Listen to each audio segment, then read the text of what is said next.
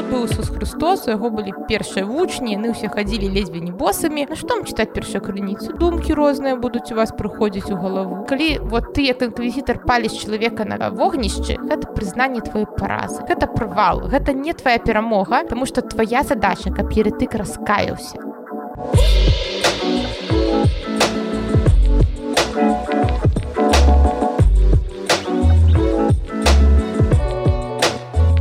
добрый дзень шаноўнае спадарства з вами падкаст таксалася гістарычна і я дзягель Ганна рада вас чуць у нашым так бы мовіць новым сезоне. І э, новы сезон мы пачынаем з незвычайнай тэмы нават не з гісторыі беларусі тому что наша земля поўная таленавітых людзей не толькі у э, гісторыі беларусі сёння у нас у гасцях кандыдат гістарычных навук экскурсавод навуковец александра володина. Добрый день. Добрый день александра. Вельмі рада что вы до нас завіталі на запісы подкасту. Расскажите ласка под чым вы спецыялізуецеся у ваших навуковых даследаваннях я спецыялізуюся по гісторыі ерасей менавіта по гісторыі вальдэнсаў і на дадзены момант у мяне вялікі праект по перакладу лацінскіх крыніц тэкстаў з лацінскай уласна кажучы мовы на беларускую мову якія выконваю у лазанскім універсітэце ў швейцарыі швейцарцам гэта тэма падалася цікава яны вылучылі на яе грошы і я спадзяюся што можа ў наступным годзе мы з вами зможам дакрануцца да крыніц да вытокаў і пачытаць як думалі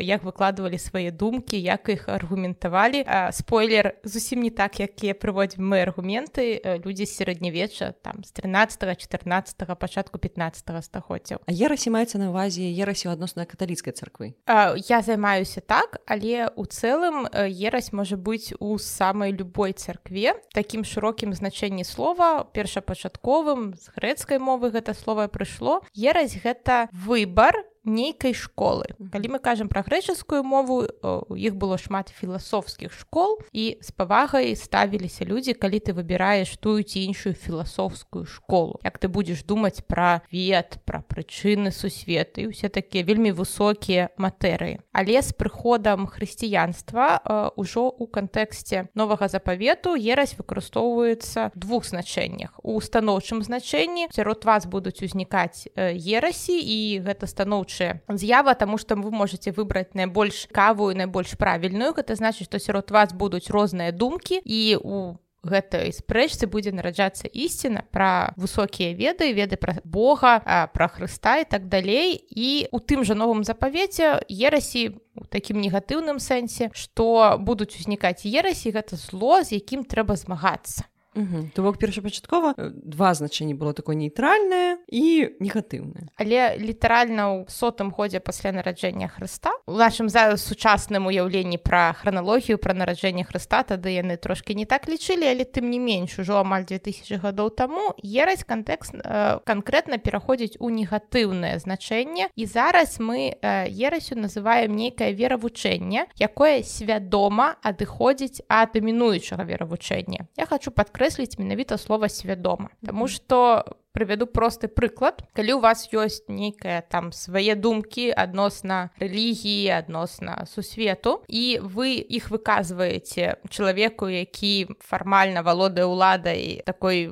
духоўнай сакральнай напрыклад святару самае простае ён кажа што ваши думкі памылковыя Вось гэта яшчэ не ересь. Калі вы кажаце ну так я памыліўся а як правільна трэба а ну добра ўсё парадку гэта нармальны працэс. Але калі вы кажаце э не мае думкі правільныя гэта ваши думкі непаважаны святар памылковыя роўна ў гэты момант пачынаецца ерась. Калі вы свядома настойліва парціцеся ў нейкіх з пункту гледжання цэнтральнай рэлігіі цэнтральнай царквы думках. Але адпаведна для вас гэта правільная думка і для вас вы уже становіцеся цэнтральнай царквой А вось тыя яны еры такі но і адпаведна ерась гэта гледзячы адкуль глядзець. Гледзячы які пункты гледжання што пра браць за цэнтр так ну я вот калі я ў цэнтры то я маю рацыю все астатнія еретыкі А вось ці шмат было ерасяў у заходняй Еўропе напрыклад? Ерасяў заўсёды было шмат.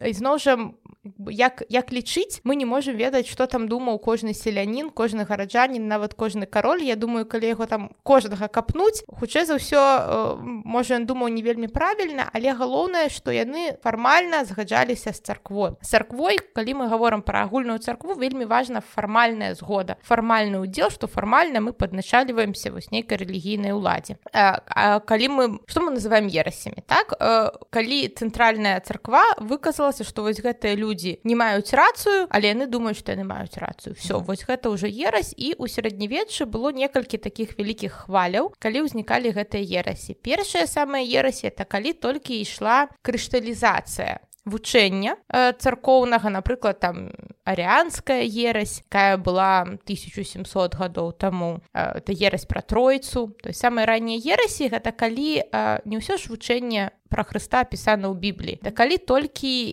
ішло будаўніцтва гэтага вучэння разглядаліся розныя канцэпцыі потым якая-нибудь канцэпцыя на саборы царкоўны сабор сінод гэта сход усіх святароў і там яны прымаюць што так вось гэта будзе правільна і адпаведна мы асуджаем усе астатнія меркаванні по гэтаму пытанню яны адразу становяцца ерасямі тыя хто іх прытрымліваецца адпаведна еретыкі дык вось тады ў момант крышталізацыі хрысціянскай веры четвертое стагоддзя было вялікая колькасць ерасей. По потым усё так трошачки стабілізавалася вось у гэтых першых землях адкуль пачынаецца хрысціянства і хрысціянства пачынае пашырацца на ўсе астатнія землі і насамрэч калі яно пашыраецца і прыходзіць у язычніцкія землі у іх яшчэ няма нейкага свайго адрознага меркавання. Для іх это ўжо новая рэлігія яны яе прымаюць ну вот так ёсць. І такое зацішша фактычна на 700 гадоў у нас зацішша а у адзінацатым пачатку 12 стагоддзя калі хрысціянства яно ўжо вельмі моцна ўкаранілі укаранілася на тэрыторыі Еўропы яно ўжо як мы зараз называем устаканілася ў галаве ў чалавека уляглося для гэта ўжо не новае ён это ўжо прымае як сваё. Ён пачынае удумвацца ў гэта аналізаваць і тут ужо ў яго вось этих новых хрысціян яны ўжо не новыя у іх узнікаюць свае ідэі яны пачынаюць сумнявацца ў тых ці іншых канцэпцыях і у нас оп ізноў велізарны уздым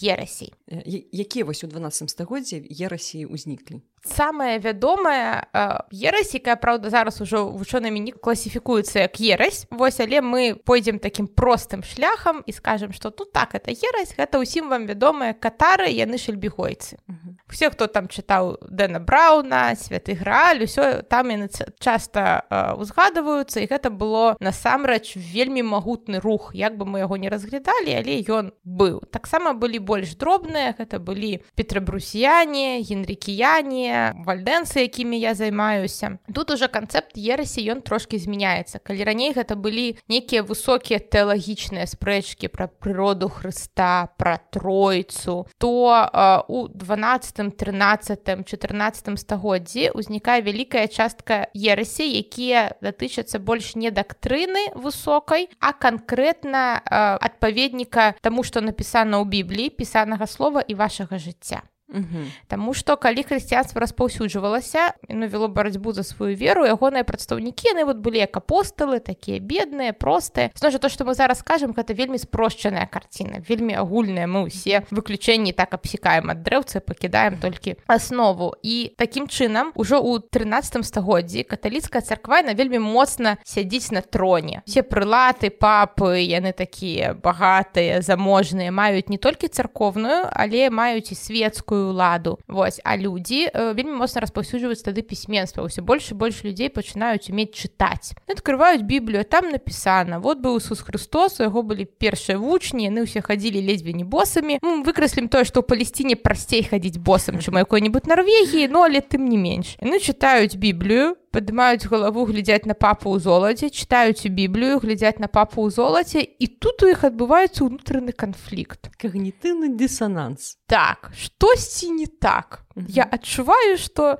хто-то в рот. І тут э, гэтыя людзі першапачаткова не ўсведамлялі сябе як ерытыкі яны казалі што мы павінны вярнуцца да вытокаў мы павінны вярнуцца да каранёў да таго што запісана ў бібліі і зноў хадзіць просто босамі. Ну это італьянцы ну, там могуць у себе хадзіць босамі астатнім зноў жа цяжэй. таму нарабілі як? Яны бралі абутак і прарызалі ў яго верх. Ну, рабілі такія як сандалі. Ну і таму ты такі тыпу босы ну але ты не босы это кампрамісны варыянт для поўдня францыі дзе ўжо халадней але ну таксама яшчэ туды-сюды. Розныя ішлі людзі на хітрыкі імкнуліся максімальна падысці да гэтага царкоўнага ідэалу ну але жыццё. Як вы разумееце не ўсе могуць жыць так як напісана ў бібліі. А на якому віны чыталі біблію тады? Это добрае пытанне таму што біблія тады існавала толькі на лаціне. Але акурат тады пачынаюць узнікаць першыя пераклады. Не ўсёй бібліі а частак нейкіх на то что называется в народную мову сваю у кожным рэгіёне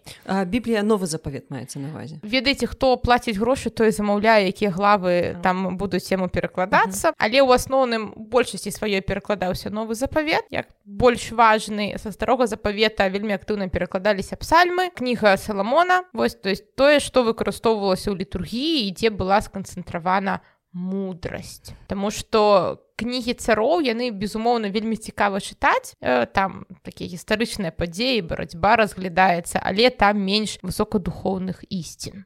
Мы іх перакладалі трошки менш але там не менш э, першыя спробы перакладу бібліі яны ўзнікаюць менавіта тады. І царква вельмі напружваецца і ўжо ў 13 стагоддзі выходзіць афіцыйная забарона чытання бібліі для міранаў. Чаму? Что вы там вычытаеце? На што вам так шмат ведаў? На што вы могли чытаць? Ідзіце у касцёл там вам спецыяльна адукаваныя людзі все патлумачаць як трэба разумець. На што вам чытаць першую крыніцу? Думкі розныя будуць у вас прыходзіць у галаву. Ну не трэба. Павядзіце паслухайце разумных людзей вам усё патлумачаць. Менавіта таму што нават калі мы зараз будзем чытаць біблію у нас будзе шмат пытанняў шмат э, нейкіх нестыковак. Мы будзем знаходзіць асабліва калі чытаць стары запавет. Калі там людзі нараджалі ў 90 калі па указанню Бога выразаліся цалкам гарады гэта будзе вызываць у нас трошкі дыскамфорт мы ж не можемм чытаць суправаджальную літаратуру якая нам тлумачыць гістарычны кантэкст да такога не было. Ўсё тлумачылася метафарычна што гэта было не перабіць усіх людзей а там перабіць усіх дэманаў але для гэтага хтосьці павінен вам гэта тлумачыць таму што калі вы будете чытаць самі вам палезуць у галаву неправільныя думкі. Давайте этого пазбегнем. Але не ўсе ерасі конечно былі такія і хто вяртаўся да беднасці першапачатковай былі нашмат больш цікавыя і радыкальныя ідэі. Якія трэба тут такой перад гісторыю што фактычна пра ўсе верасі мы ведаем з пункту погляду з пункту расказу іх праціўнікаў. У пераказе царквы у пераказе інквізітараў тому што ўсё ж такі культура тады была збольшага вусная. А тое што яны пісалі пісалі не друкавалі а інтэрнэта тым больш не было цяжанька. Невялікая колькасць экземпляраў можна ўсё спаць спаліць і выкінуць Таму на жаль ад тых тут я еще раз падкрэслю што ерась гэта той хто выступіў супраць афіцыйнай рэлігіі і потым не змог прадавіць сваю ідэю Таму што у нас ёсць прыклады ў гісторыі калі еретыкі перамаглі але это толькі адзін прыклад у візантыі А ўсе астатнія гэта тыя хто прыйгралі А гісторыю у тыя часы маглі пісаць пераможцы калі тыя хто прайгралі не пакінулі дзе-нібы там схаванага пра сябе праўды то мы ведаем у пераказе інквізітараў візітары таксама простыя людзі яны мелі вельмі вялікую звычку як бы мы зараз сказалі перапісваць канспекты адзін у аднаго. Mm -hmm. восьось яны вельмі любілі ў сярэднявечча не трэба думаць там былі людзі ўсе неадукаваныя цікавы факт пра сярэднявечча. Людзі вельмі тады любілі каталагізацыю класіфікацыю ўсё раскласці па палічках. Хобі такое было ў іх. І ёсць шматлікія кнігі супраць еретыкоў дзе яны падзелены на нейкія катэгорыі. Вось але калі у вас не хапае свайго ўласнага матэрыялу вы не сустракалі такой вялікай колькасці еретыкоў. Але вы хочаце напісаць кнігу пра еретыкоў вы тады звяртаецеся да канспекта сваіх папярэднікаў а пісалі та інквізітары асноўным на лаціне. Пісьмовая мова была адна таму вы можете скаціць седзячы у дзе-небудзь у паўднёвай францыі узяць канспект вашага таварыша з паўночнай польшчы і роўненька яго перапісаць mm -hmm. потым праз 500 гадоў гісторык открывае такі ого францыі польльши былі адныя тыя шырытыкі mm -hmm. адкрыццё вот это распаўсюд да? Вот это распаўсюд вот это распаўсюджанне ідэй. А можа про якую-нибудь ерась піша толькі адзін інквізітар у нас адразу ўзнікае пытанне а это так было ці яго фантазіі ці гэта яго фантазій плюс ізноў жа пытанне мовы. Калі інквізітары праводзілі допыты падазраваных у ерасі з імі хутчэй за ўсё размаўлялі нейкія мясцовыя клірыкі на мясцовай мове. А пасля это перакладалася для інквізітара на лаціну а магло бы это быць трайны пераклад тыпу інквізітар задае пытанне на лаціне клірыкі перакладае это пытанне на народную мову. Не факт что правільна. Это чалавек адказвае так як ён зразумеў это пытанне ўжо ў перакладзе а пасля уже это перакладаецца назад гэта записывается а яшчэ маглі даваць протаколы перапісваць подписывать подазраваным адпаведна вось тое что уже два разы пераклалася і зноў перакладзецца на народную мову ён подпіша і потым перакладзецца назад на лаціну что там засталося ад да першай пачаткова да.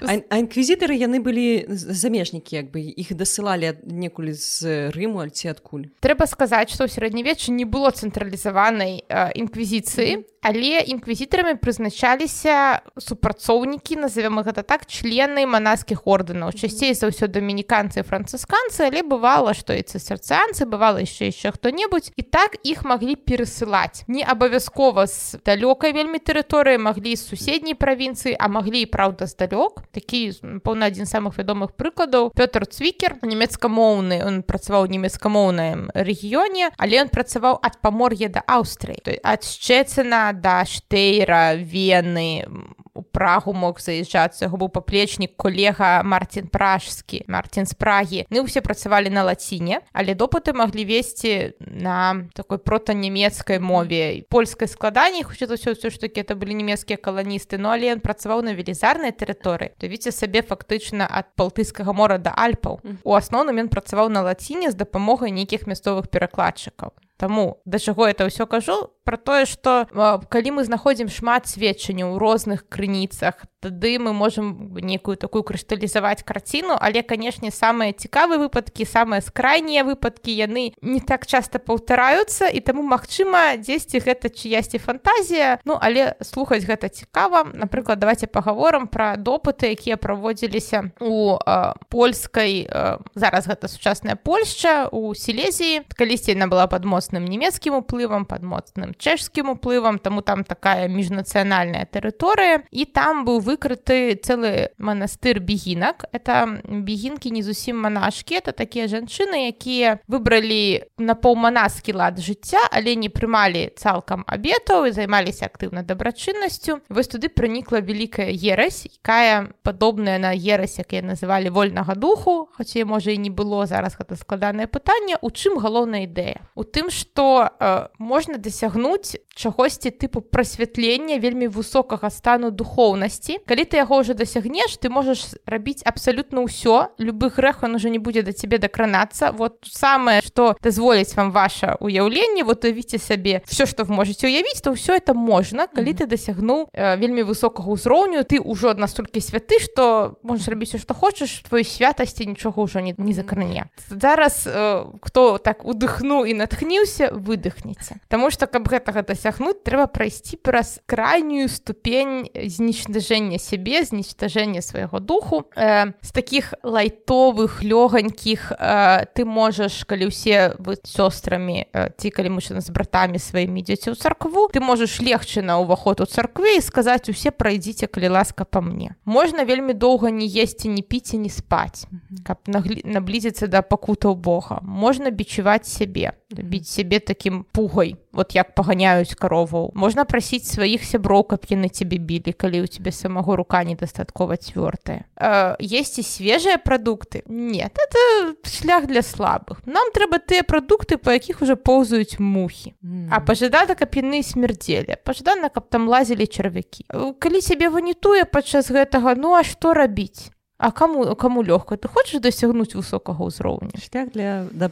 шлях да прасвятлення цяжкі вельмі ця, да святасці высокай а, ну але што мне больш спадабалася трэба ісці на могілкі скрасці там труну. Пажадана каб прайшло пэўная колькасць дзён каб это ўжо ўсё пачалося вельмі моцна смярдзець паспаць у этой труне ўзяць чэрап папіць яго паесці максімальна прычыніць сабе дыскамфорт Я спадзяюся наш падказ зараз не, не слухаюць за ежай напэўна нам трэба пачатку сказаць что калі ласка калі вы нешта ісце пакіньце да пастаўце на паузу даешце і тады працягніце восьось э, это ўсё трэба перажыць але вось таких якраз апісанняў шмат. Э, апісанні которые не пацвярджаюцца Мачыма калі ты дасягнуў высокай ступені святасці ты уже можаш пераходзіць да Мачыма это фантазіі все ж таки інквізітараў але Мачыма калі ты дасягнуў высокай ступені святасці ты можаш пераходзіць да не ўжо ніякія маральныя цябе нічто не стрымлівае ты можаш пераходзіць да кахання з усімі да каго ты дацягнешься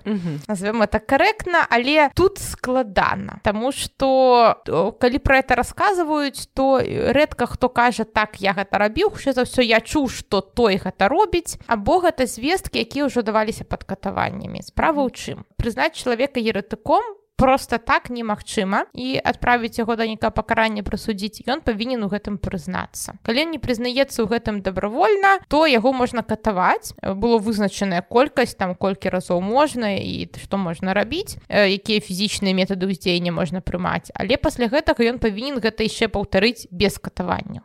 Вось але я хочу сказаць напрыклад трымаць цябе ў холоднай камеры без ежы это не трактавалася як катаванне. Я думаю что калі сярод нас ёсць людзі якія там хадзілі ў паходы вот уявіце сабе што вам трэба пасядзець у нечым на холодным э, нема святла нема ежы праходзіць доўгі час. І думаю што пад канец вы уже будете гатовы прызнацца нават калі вас не білі але абы абы тебе выпусцілі все это скончылася таксама выкарыстоўваліся такія хітрыкі як падсаджваўся вам сукамернік падстаўны Вось і у прынцыпе метады дзеяння інквізіцыі яны былі вельмі перспектыўныя вот гэта можна зрабіць асобны падкаст як вымусіць чалавека прызнацца цэлае што да і у тым ліку у тым што ён уступаў нейкія сувязі з д'яблам восьось таксама можна пры вялікім жаданні але мы адышлі ад як бы ад тэмы ерасі mm -hmm. насамрэч калі вот ты як інквізітар паліш чалавека на вогнішчы гэта прызнанне твоей паразы гэта правал гэта не твоя перамога тому что твоя задача каб еретык раскаяўся а палілі на вогнішчы тых хто не раскаяўся это значит что святары у гэтым прыходзе не дапрацавалі. У гэтых людзей узніклі нейкія еретычныя думкі. Таму что еретычныя думкі ўзнікаюць ад таго калі чалавек не знайшоў нейкай праўды і адказу ў касцёле. Тады ж ніхто не думаў што адказы каталіцкай царквы могуць не задавальняць. Ні ў якім разе. Ты значыць што святар табе дрэнна патлумачу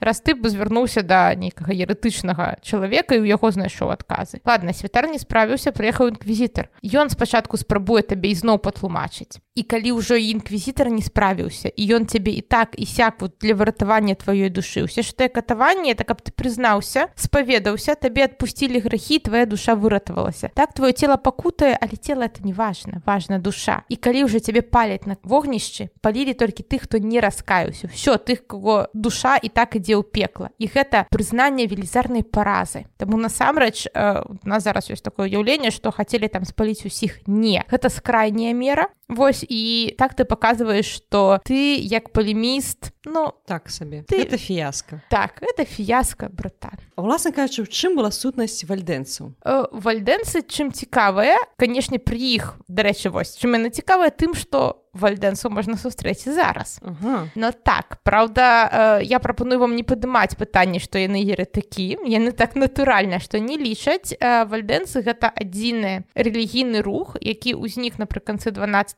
стагоддзя і існуе і сёння. Прычым вельмі часта яны могуць прасачыць сваю генеалогію там з 15 16 17 стагоддзя. Зараз яны частка пратэстанцкай царквы. Натуральна што іх вучэнне ну вельмі моцна змянілася. За гэты час то тое што яны верылі ў сярэднявечча это абсалютна не тое што яны вераць зараз але тым не менш гэта адзіны такі прыклад які існуе і сёння. Праўда не ў беларусі. Вось у беларусі з ерасямі трошачки цяжкавата. Справа ў тым што мы не так шмат ведаем. Па-першае у беларусі як вы ведаеце у нас тэрыторыя вельмі мульціканфесійная мульцірэлігійная. Про гэта вам лепш раскажуць мае калегі. Але барацьба з нейкімі дробнымі ўнутранымі ворагамі якія сумняюцца ў адной ці там другой дактрыне е комфортна весці калі у вас такое монаканфесійная прастора калі у вас поліканфесійная прастора то просто хутчэй за ўсё не даходзілі руки да таких дробных дробных пытанняў про каго мы дакладна можемм казаць что былі на нашай тэрыторыі гэта на нашу тэрыторыю ўжо 15 стагоддзі прыходзяць гусіты Мачыма як бежанцы э, всім вядомы ты факт что гусіты нават хацелі нашага вялікая князя сабе каралём запрасіць але ізноў жа гэта тэма для асобнага подкаста. І таму пра гусітаў мы на тэрыторыі беларусі маем звесткі але тут ёсць праблема назвы. Таму што той што называлі гусітамі ў крыніцах под гэтай назвы маглі хавацца любыя еретыкі. То гусіты яны маглі выкарыстоўвацца просто як сінонім слова еретык для назвы любой ерасі для гэта пытанне пытанне ерасі на тэрыторыі беларусі яно абсалютна недаследавана яно чакае свайго даследчыка. Таму калі сярод наших слухачоў ёсць студэнты гістарычнага факультэта падумайце пра гэту вельмі перспектыўную тэму. Калі вы знойдзеце ерытыкоў на нашай тэрыторыі гэта адразу тэма для кандыдацкай дысерта это ўжо адразу можна абараняць і стаць кандыдатам гістарычных навук ну па меншай меры кандыдата не абяцаем але на, на падказ запросім Дякую вялікі Александра за такі цікавы расповед вось тэма з ерытыкамі тэма з інквізіцыяй канешне яна вельмі вялікая унізе у апісанні будуць спасылкі на нейкія карысныя матэрыялы па якім можна больш пачытаць пра вальдэнцаў пра ерытыкоў пра інквізіцыю калі у наших слухачоў будуць пытанні калі ласка пішыце каменты пішыце водгукі э, на ўсё пастараемся распавесці. На гэтым наш сённяшні выпуск закончваецца. Дзякуй нашим слухачам на ўсіх платформах на Apple, Яндекса, Google подкастах. Дзякуй вялікі э, маім патронам на патрыоне, э, вам проста промні удзячнасці. Буду удзячная за рэкамендацыі подкасту вашим сябрам калі вам спадабалася ставце лайки пішыце водгукі. Гэта ўсё вельмі дапамагае у прасоўванні контенту А калі сярод вас ёсць карыстальнікі тиктоку подписывайтеся таксама і на мой тикток таксам там таксама ёсць цікавыя всякие цікавосткі